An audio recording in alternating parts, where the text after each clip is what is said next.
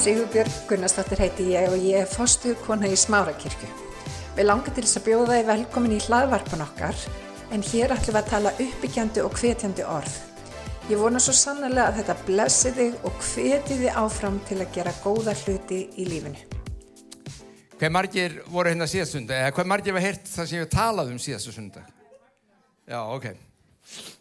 Uh, ég ætla að reyna að klára það. Ég ætla að reyna að klára það þannig við skiljum það. Af því ég var einmitt að síðast að reyna að útstýra eitthvað sem við höfum ekkert við með við. Sem er þrý eitt guð. Hvað er þrý eitt guð og hvernig virkar þetta og svo frammeins. Og það nánasta sem við getum komist að því að segja okkur hvernig Guð er samansettur, ef við getum orðað að þannig, vegna þess að hann er fadurinn, sonurinn og heilarandir samt einn, var að hann sjálfur, þegar hann lýsir sér, þá lýsir hann sér alltaf í samhenginu við samfélag og jafnvel hjónaband.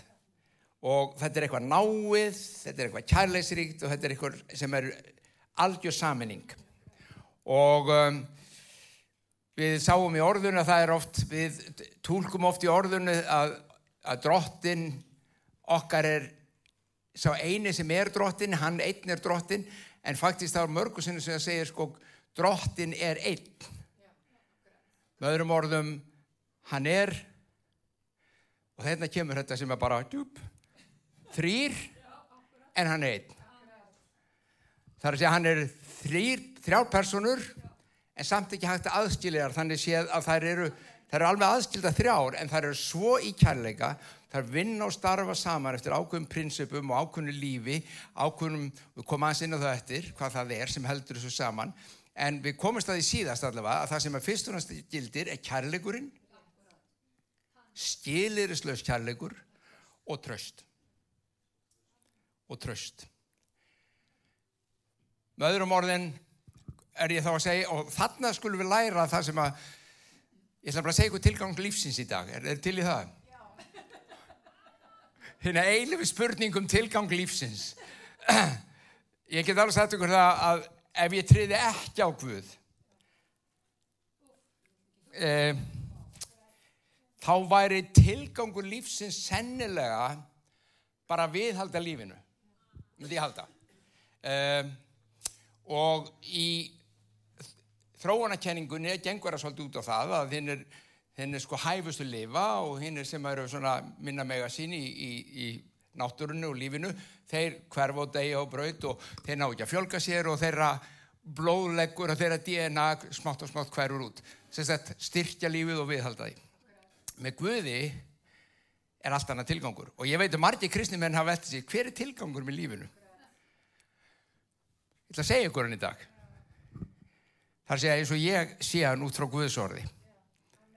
Það gæðir þið með.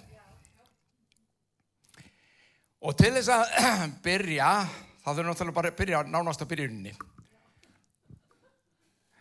Ég, ætlar, ég loku því, ég verð ekkert meira heldur en svona þrjá fjóra tíma.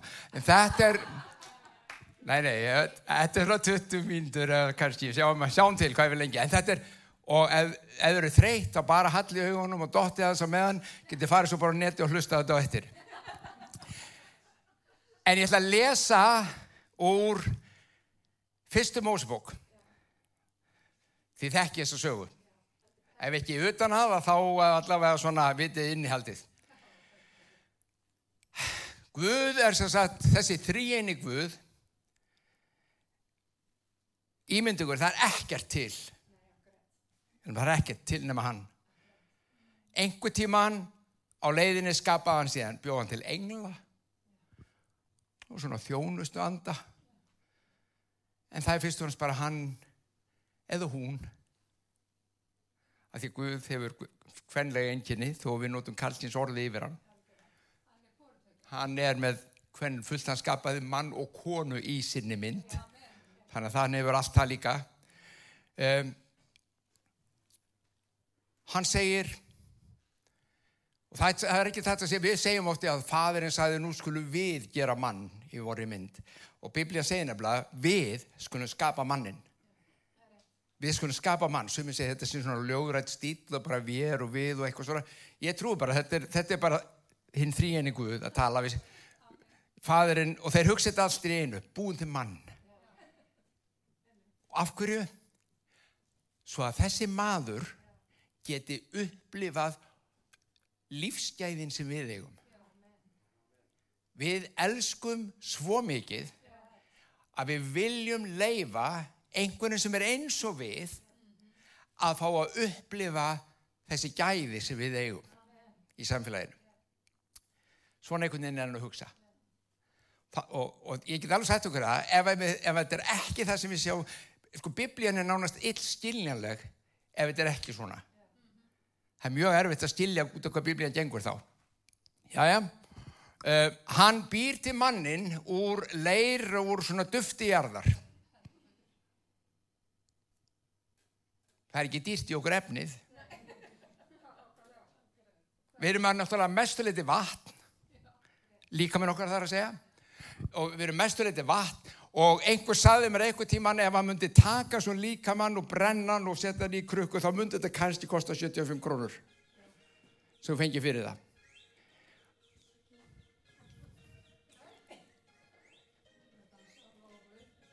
Láfgjörning getur ekki hægt þannig að efnið okkar er ekki dýrt. Þar sé efnis líka minn en hvað er það þá sem er svona dýrt? Af hverju erum við svona verðmætt af hverju metum við lífið svona mikils? Það var ekki að lífið er náttúrulega miklu meira heldur en líka minn maðurinn er andi sál og líka minn og þess vegna þrý einn. Einn maður en samt þrýr ok Guð skapar. Hann er búin að skapa og heilavar andi kom og hann blés lífsanda. Hugsa ykkur að blása lífsanda Guðs inn í manni það er nú ekkert smá bara.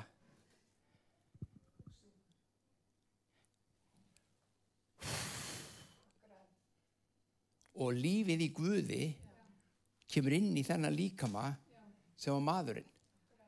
Og það lifnar eitthvað við innan með honum og hann rýs upp. Mu, ég er maður. Nei, mér er þetta besta bjarni að segja mu, ég er belja. Þegar kálfunum fættist en maður rýs upp og segir hei hvað, ég er öðruvísi heldur en þessi dýr í kring. Ég er með lífsanda guðs innan með mér. Þarna byrjunin. Og þá komum við að fyrstum ósubók þriðakabla höggormurinn var slægar en öll önnur dýrmerkurinnar sem drottin Guð hafi gjört og hann mælti við konuna Er það satt að Guð hafi sagt þið megi ekki eta af den einu tré í aldingarðinum? Konan sagði við höggur minn, nei, af ávöxtum trjána í aldingarðinum megum við alveg eta en af ávöxtum tré sem stendur í miðjum aldingarðinum, af honum sagði Guð við mættum ekki borða og ekki snertan, við myndum þá bara hann að steia. Þá sagði höggur minn við konuna, vissilega munum við ekki deia en Guð veit að jafnstjótt sem þið etið af þessu tré munu augu ykkar uppljúkast og þau munu verða eins og Guð og vita skinn eða munin á góðu og yllu. Og kona sá að trefa gott að þetta af fagurt á að líta og gyrnilegt til fróðleiks, þá tók hún af ávöxti þessu átt og hún gaf einni manni sínum sem með henni var og hann átt. Þá lukkist upp augu þeirra betja og þau eru þess vör að þau voru nakin og þau festu saman fíkjublöð og gjörðu sér mitt í skýlur. Er þau heyrðu til dróttir sem var að gangi í aldingarðinum í kvöldsvalanum þá reyndi maðurinn og konan hans vela sig fyrir dróttni í miðju, eh, frá Guði í milli trjána í aldingarðinum og dróttin kallaði á mannun og saði hvað ertu? Nú ætlum ég að segja ykkur eitt. Hvort sem þú trúir þessari sögu bókstaflega eða ekki Það er aukaðrið í dag fyrir þig hvort þú trúir henni bókstaflega. Það sem er aðaladrið og mjög mikilvægt er að þú trúir því sem hún er að kenna okkur allavega um Guð, um sköpununa, um mannin. Þú getur tekið þetta með bókstafin setna, ok? Það sem gerist þarna, og við höfum oft miskilið þetta, Við höfum lagt þetta út frá því, já maðurinn bara ólínaði skuði og Guð bara sparkaði honum út úr gardinum. Ef þið lesið hins vegar frásögnuna, þá kemur ljósi fyrstulega hann sparkaði honum ekki út úr gardinum, hann sett hann út fyrir gardin, af hverju? Vegna þess að það var annað tré sem er lífsinstré sem þau myndi ekki, ef þau myndi geta af því, þá myndi þau eilíflega að lifa í því ástandi sem þau voru. Svo er í kærleika sinu, þá setur þau út fyrir svo þau geta ekki af því tré það hefði mátt geta því áður sjáðu. Og hann setur út. Svo hann var ekki, hann var ekki hvort ég reyður, yllur, nýheldur var það fyrst og fremst það að þau höfðu ólínastórum það var fyrst og fremst það að þau tristunum ekki. Þau hættu að tristunum Þau fóru að efast um það að Guð væri eins og hann sagðist vera og heldur jafnvel að hann væri að halda einhverju tilbaka frá þeim, halda einhverju aftur um því, já, veitum við, okkur, já, kannski Guð, hann er að fela eitthvað, við erum ekkert algjörlega með honum. Og þá langum að spyrja þig, er ekki, er, hvernig er þetta heima hjá þér, í góðri fjölskyldu með börnin ykkar? Hvort er að ólíni barsins sem gerir það verkum að þú sparkar þeim út eða samband ykkar eðilegst? Eða tröstið brestur á millikar. Hversu margir hafa ekki fjarlagst eða barnið er að fjarlagst vegna þess að tröstið er brotið. Þau hætti að treysta pappa fyrir lendamálunum. Þau hætti að treysta mömmu fyrir öllu í lífi sínu. Fóraldrinni hætti að treysta barninu vegna þess að það sveik aftur og aftur og aftur og aftur. Tröstið brast. Ekki ólíninn, tröstið og er ekki það sem þetta orð tröst að trúa á þar sem ég trúi á kærleika Guðs. Ég trúi á því hver hann er. Ég trúi ekki bara á að hann sé til ég trúi á hann sem personu ég þekki hann, ég veit hver hann er. Hann er svo góður, hann er bara góður og þess vegna get ég kvilt í honum. Ef að það kemur brestur á þetta tröst þú fyrir að evast um það já hann er kannski ekki alltaf svona góður. Ef ég er ólíðin til dæmis þá ja, þú verður að evast og er ekki þetta sem að Jésús sagði við lásum það síðast á sunnundag hvað er synd heimsins? Þeir treystu mér ekki. Þeir trú ekki á mig. Það er synd heimsins. Syndin er ekki takktu vel eftir og ég er ekki hér með að segja allt sem við gerum sér gott en syndin er ekki það sem við gerir við erum vönd því að tólka þannig. Þú gerir þetta, það er synd. Þú er að hætta þessu að því það er synd. Og ítrekka enn og aftur ég er ekki að segja allt sem við gerum sér gott fyrir okkur. Langt í frá. Ég er bara að segja syndin er hins vegar það að þú ætlar að lifa þarna og hætta að treysta Guði skapara þín og missir þessuna að því hvað til hvers hann skapaði og til hvers hann bjóði ok, eruð með? Þetta er svona í stuttumáli. Hann býður sérstaklega manninum að lifa í eilifri sátt. Mað, og, og ekki bara sátt, heldur í lífsgæðum drottin sjálfs, vera eitt með Guði. Hann býður manninum að vera eitt með sér. Þetta er nákvæmlega, við tókum þetta í eitthvað, þetta er svipað, ekki nákvæmlega eins, þetta er mjög svipað allavega, að þú og maðurinn þinn eða konan þín þið ákveða ætliða barn. Þið bjóðið einhverju barni sem er algjörlega í þversögn við allt sem þið eruð. Bjóðið minn og gerið það ykkar barni þau verður að hluta fjölskyldinni allt sem þið eigi núna er þeirra. Svona veik líking eða mynd á því hvað Guð var að gera við mannin bjóða manninum inn í þetta samfélag við sig. Ok en maðurinn valdi vegna þess að hann er með frjálsam vilja ég er alveg það, rétt, ég klára þetta með þú veist tilganginum í lífinu. Maðurinn valdi að fara aðra leið. Maðurinn bjóð til annað kerfi. Okkur stoppaði Guð ekki bara? Ég hef oft fengið þessa spurningu. Hvað er Guð að pæli að skapa mannin svona og svo gera hann tóma dell og vitlösu bara? Okkur gera hann ekki bara í lægi strax frá byrjun? Hafið heyrt þetta? Bara, en Guð, hann var ekki, sko Guð var að skapa hvað? Í sinni mynd. Guð er með algjörlega frálsam vilja.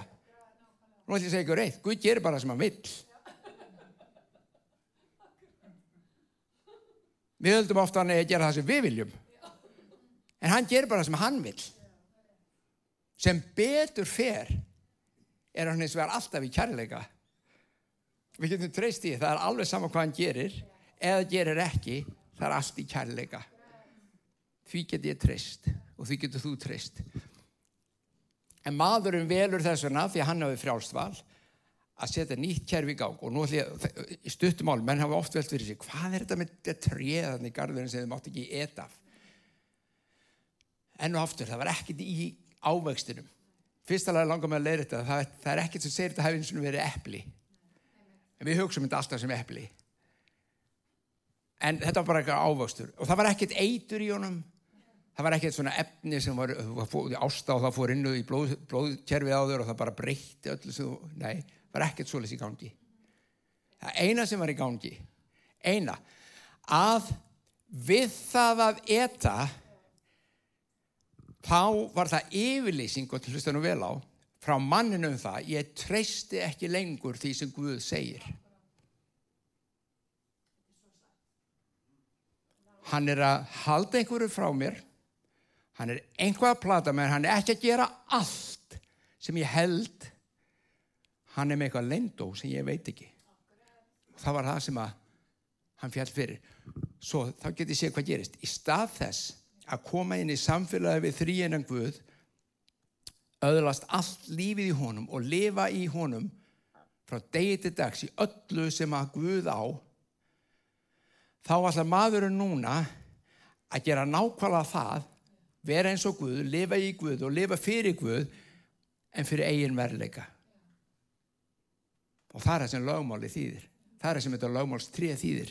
Ég ætla að lifa fyrir Guð ég ætla að þóknast Guði en ég ætla að gera það í eigin mætti. Ég ætla að þóknast Guði ég ætla að gera allt sem Guði hefur beðið mig um ég ætla að hlýða honum en ég ætla að gera það í eigin mætti og hann setta í gang lögmál dauða, syndar og dauða og maðurinn dó Hann dó ekki beint endala strax bókstæðlega.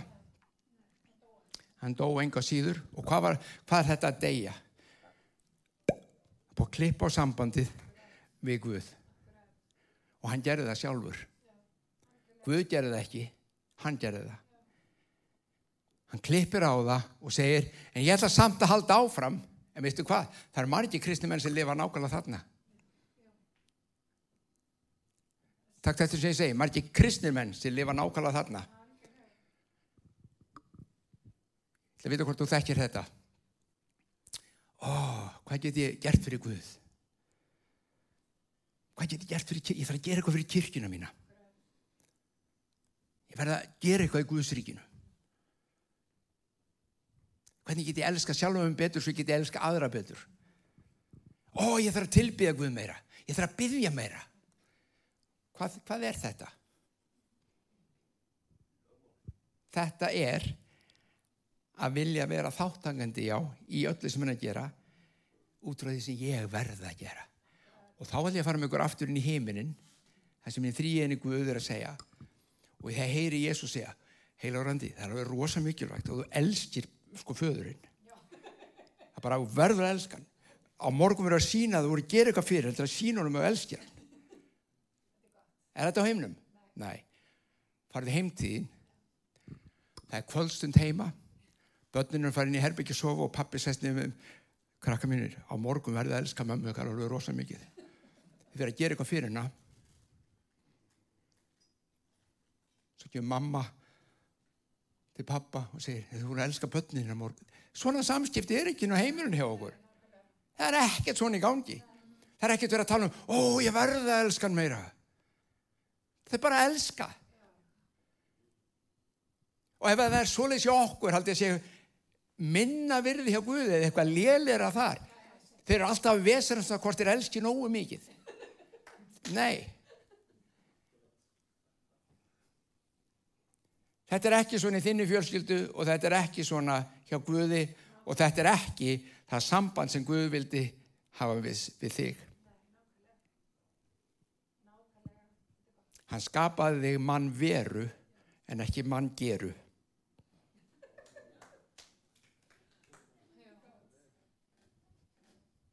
Þú ert að vera í honum. Þú ert ekki alltaf að vera að gera í honum. Og þá segir, kemur strax spurningi, hvað á ég þá bara ekkert að gera fyrir Guðsríkið? Það er ávöxturinn. Ávöxturinn að kjæli sér ykkur heimili er að guttin kemur heim og mamma segir, hörruðu, wow, ég átti eftir að fara til búð og hann segir, ég skal fara fyrir bæma. Ég skal kaupa þetta fyrir, ég stekk þetta út. Bara flæðir. Sjáðu munin. Það er því miður ekki allir sem eiga þetta líf.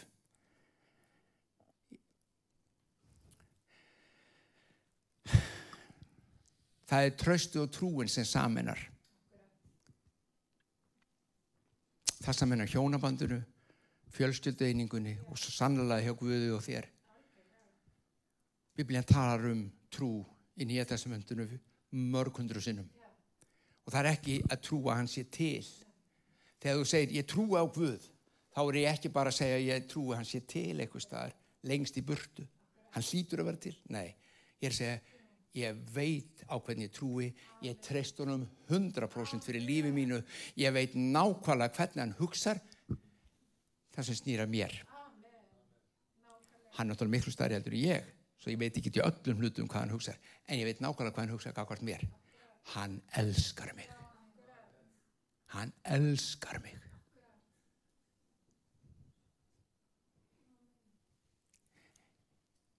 Ef ég hætti, ég er vitnað í konunum minni sérst, ef ég hætti að treysta árunni minni, konunum minni, þá kemur brot í sambandu okkar. Ef ég hætti að hafa trú á því hver hún er, sem kona, sem eiginkona mín, sem móðir, sem amma, árunni mín, langamma og langafi. Ég veit að við lítum ekki þannig út, en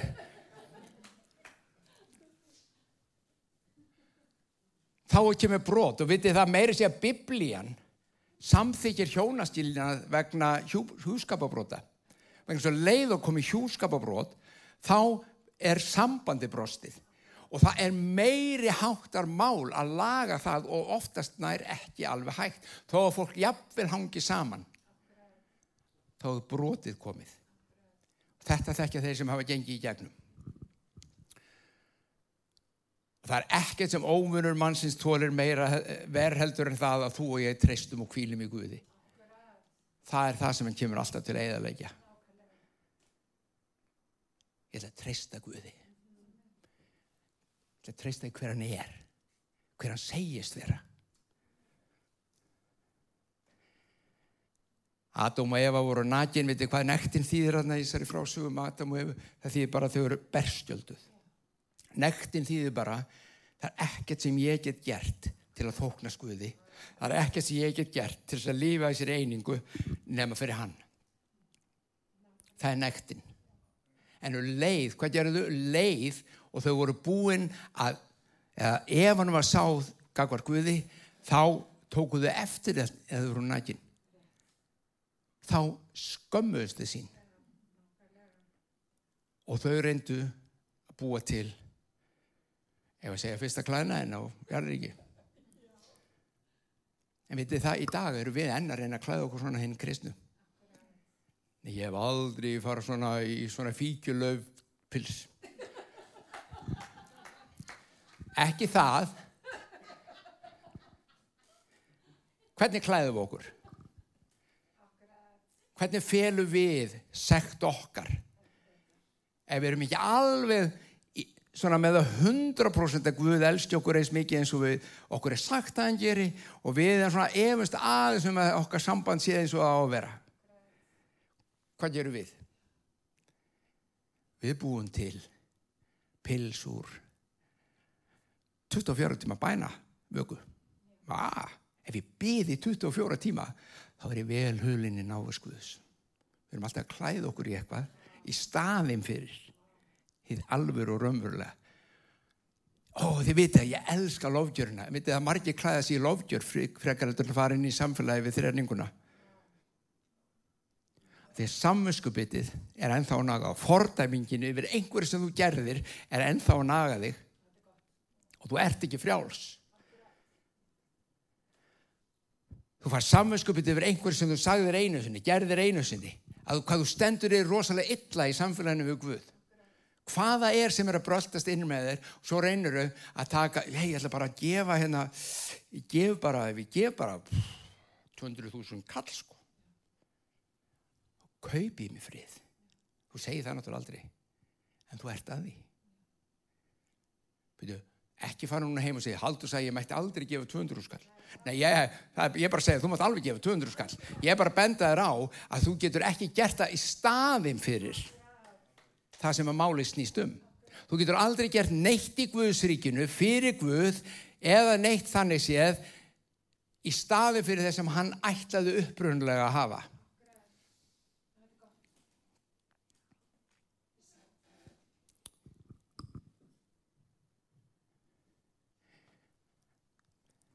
Við tölum um ávöxt andans. Kærleikur, gleði, fríður og langlind. Og allir pakkir endar í sjálfstjórn. Já, góðvild. Hvað er þetta? Kallum, þetta er ávöxtur andans. Þegar andi Guðs dvelur í þér Þetta er eðli Guðs. Þetta eru karakter enginni Guðs. Kærleikur, gleði, friður. Svona er þeirra samband í þrenningunni. Og hann býður þér að koma þarna inn og gefa þér hluteld í þessum gæðum til þetta eru lífsgæðin. Að hafa frið ávalt í hug og hjarta. Að bera kærleika ávalt til Guðs og manna vera fyrirgefandi fram í það endalösa og hafa fullkomna sjálfstjórn á lífið þínu.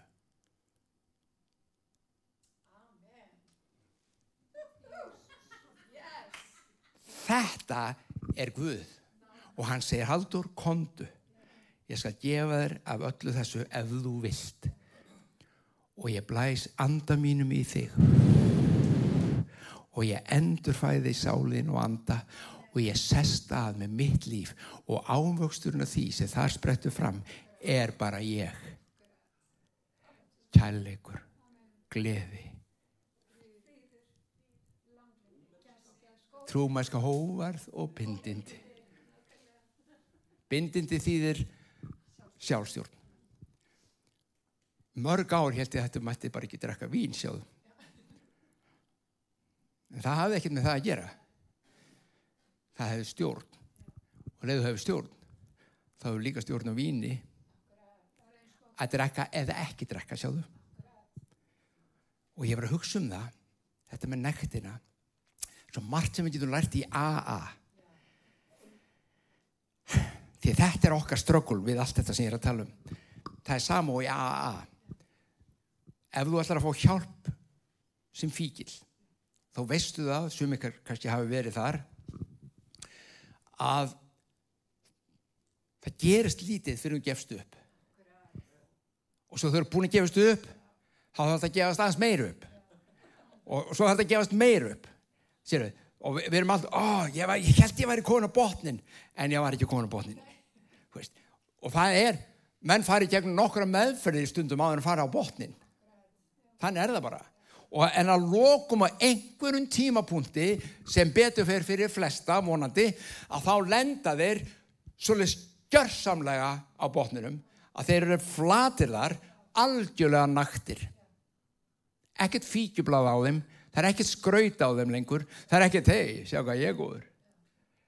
Hei, sjá, ég kann þetta. Hei, ég spilaði hljómsveit. Hei, ég söng fyrir þennan. Hei, ég bað fyrir þessu, nei, ekkert. Það er bara nakin ekkert eftir. Og hvað gerir þá? þá byrjar lækningin og það er nákvæmlega með sama með Guð. Okkar vandamál sem kristinmenn og konur er þetta að við erum ekki tilbúin að vera nakin. Það er að segja að vera með ekkert geta ekkert kunna ekkert, skilja ekkert nema það að Guð elskar mig. Ég hef ekkert að færa Guði sem er eini nokkus virði sem er ávinnum mér prík hjá honum. Ekkert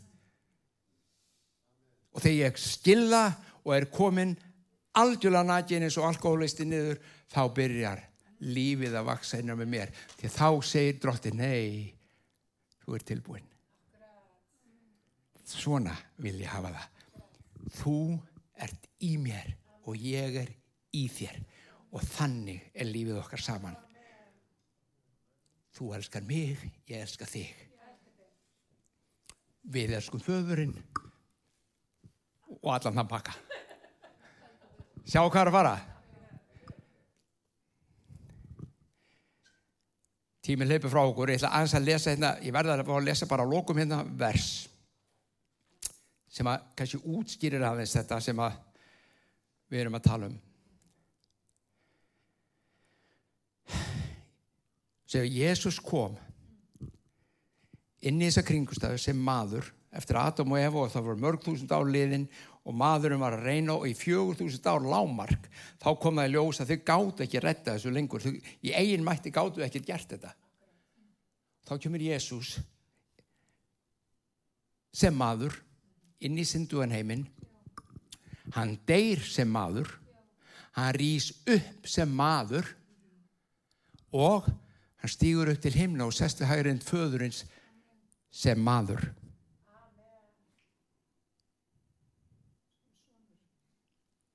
hann er þar sem fulltrúið þinn og minn mannkinsins í þrenningunni. Ertu með þetta? já.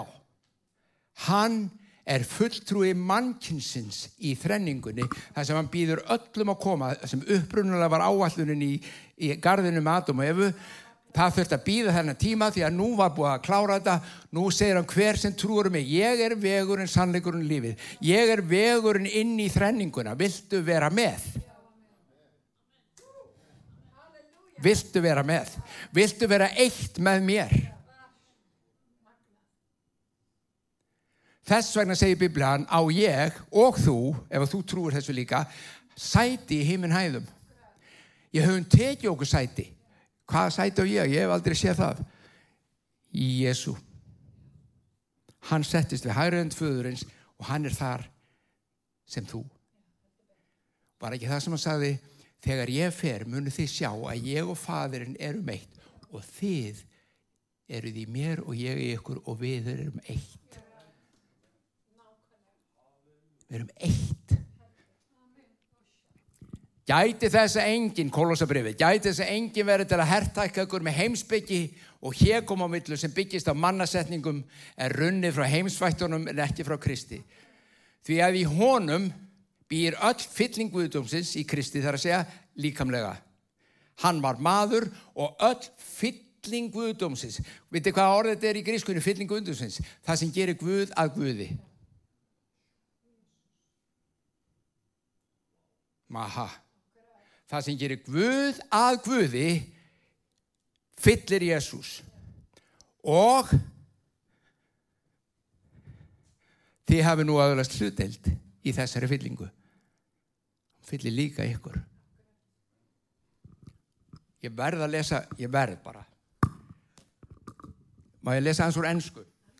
Það er til þýðing, heitir Amplified. Hún tekur, skal ég segja ykkur, orðin úr hvort sem er hebreuskunni eða grískunni og setur alla hugsalega merkingu af orðunum inn í versið. Hún útskýrir bara frá öllum hliðum hvað versið þýðir. Má ég lesa þessi vers fyrir ykkur? Oh. Þetta, er, þetta er tilgangur lífsinskrakar að vera eitt með Guði. Við vorum sköpu til þess. Hlusti vel á.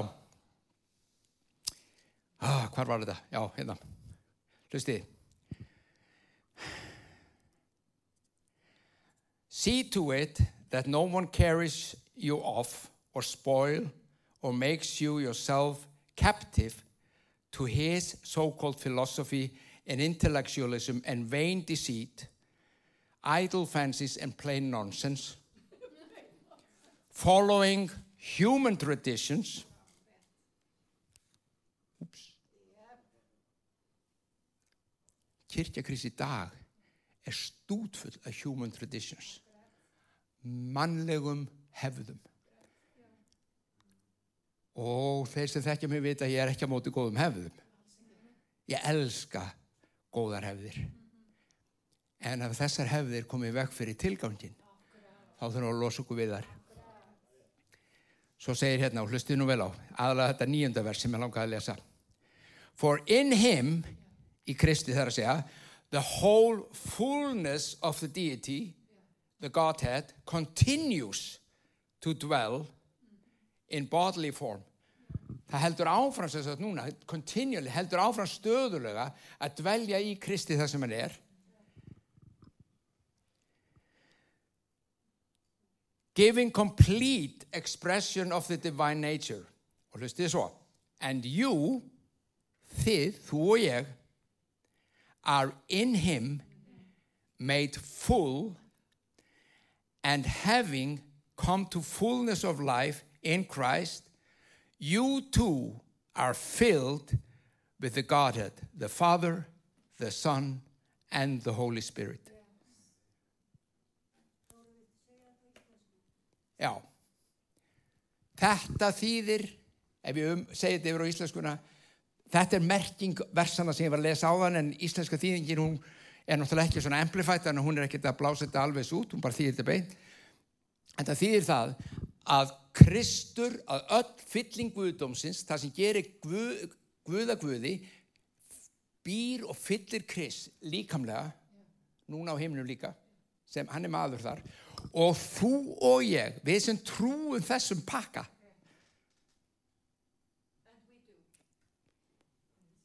við sem trúum þessu, við erum líka eigum hlutild í þessari fyllingu að því sem gerir Guða Guði býr núna innan með okkur og í þér og í mér erum við eitt með föðurnum, sininum og heilugum anda.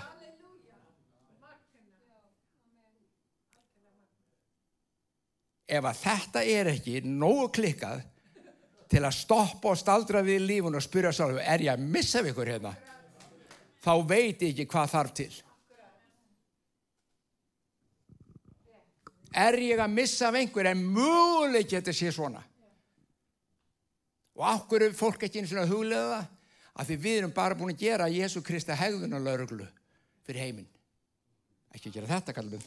Ekki gera þetta. Þú ætti að vera svona þegar Kristinum og, og fólk segir, hei, þarf þetta ekki. Kristur er ekki hegðun og laurugla. Ég þóra fullur og honum er alveg saman hvernig hegða það er. Svo lengi sem þú fattar þetta sem hann er að reyna að gera. Að því við það breytist allt við það breytist allt skulum byggja faðið mér við þokku þér að þú hefur gert okkur eitt með þrenningunni. Þú hefur gert okkur eitt með þér föðurnum, sininum og heilugum anda. Til að þú og við getum verið í einungu samfélagsins og öll þín lífsgæði og öll þín fegurð og allt sem þú ert sé líka okkar. Það er kærleikurinn og Guð það getur enginn elska meira en þetta. Og þú gerir þetta mögulegt. Ofinbera þetta fyrir anda þinn í hjörtum okkar um að sjá og stilja og ganga inn í þessa einingu sem okkur er bóðið til. Bið fyrir hverjum sem er heima líka, dróttu minn, er að hlusta, bið fyrir fjölstjöldinni, bið fyrir nærveru þinni þar. Tala þú, gerð þú heilt, dróttu minn, lækna sál, lækna líkama og endurfættu andan. Takk Jésús minn. Og frá þessar einingu, elsku vinnur, flæðir allt frá Guði til þín. Frá þessar einingu flæðir lækningin. Þú þarft aldrei einu svona byggjan um. Hann veit hvað þú þarnast og hann lætur að flæða. Áður og byður hefur hann séða, hefur hann svarað. Ég hveti til þess að stilla inn á okkur með reglum hætti því að hér verður alltaf eitthvað nýtt á nálinni. Takk fyrir að hlusta.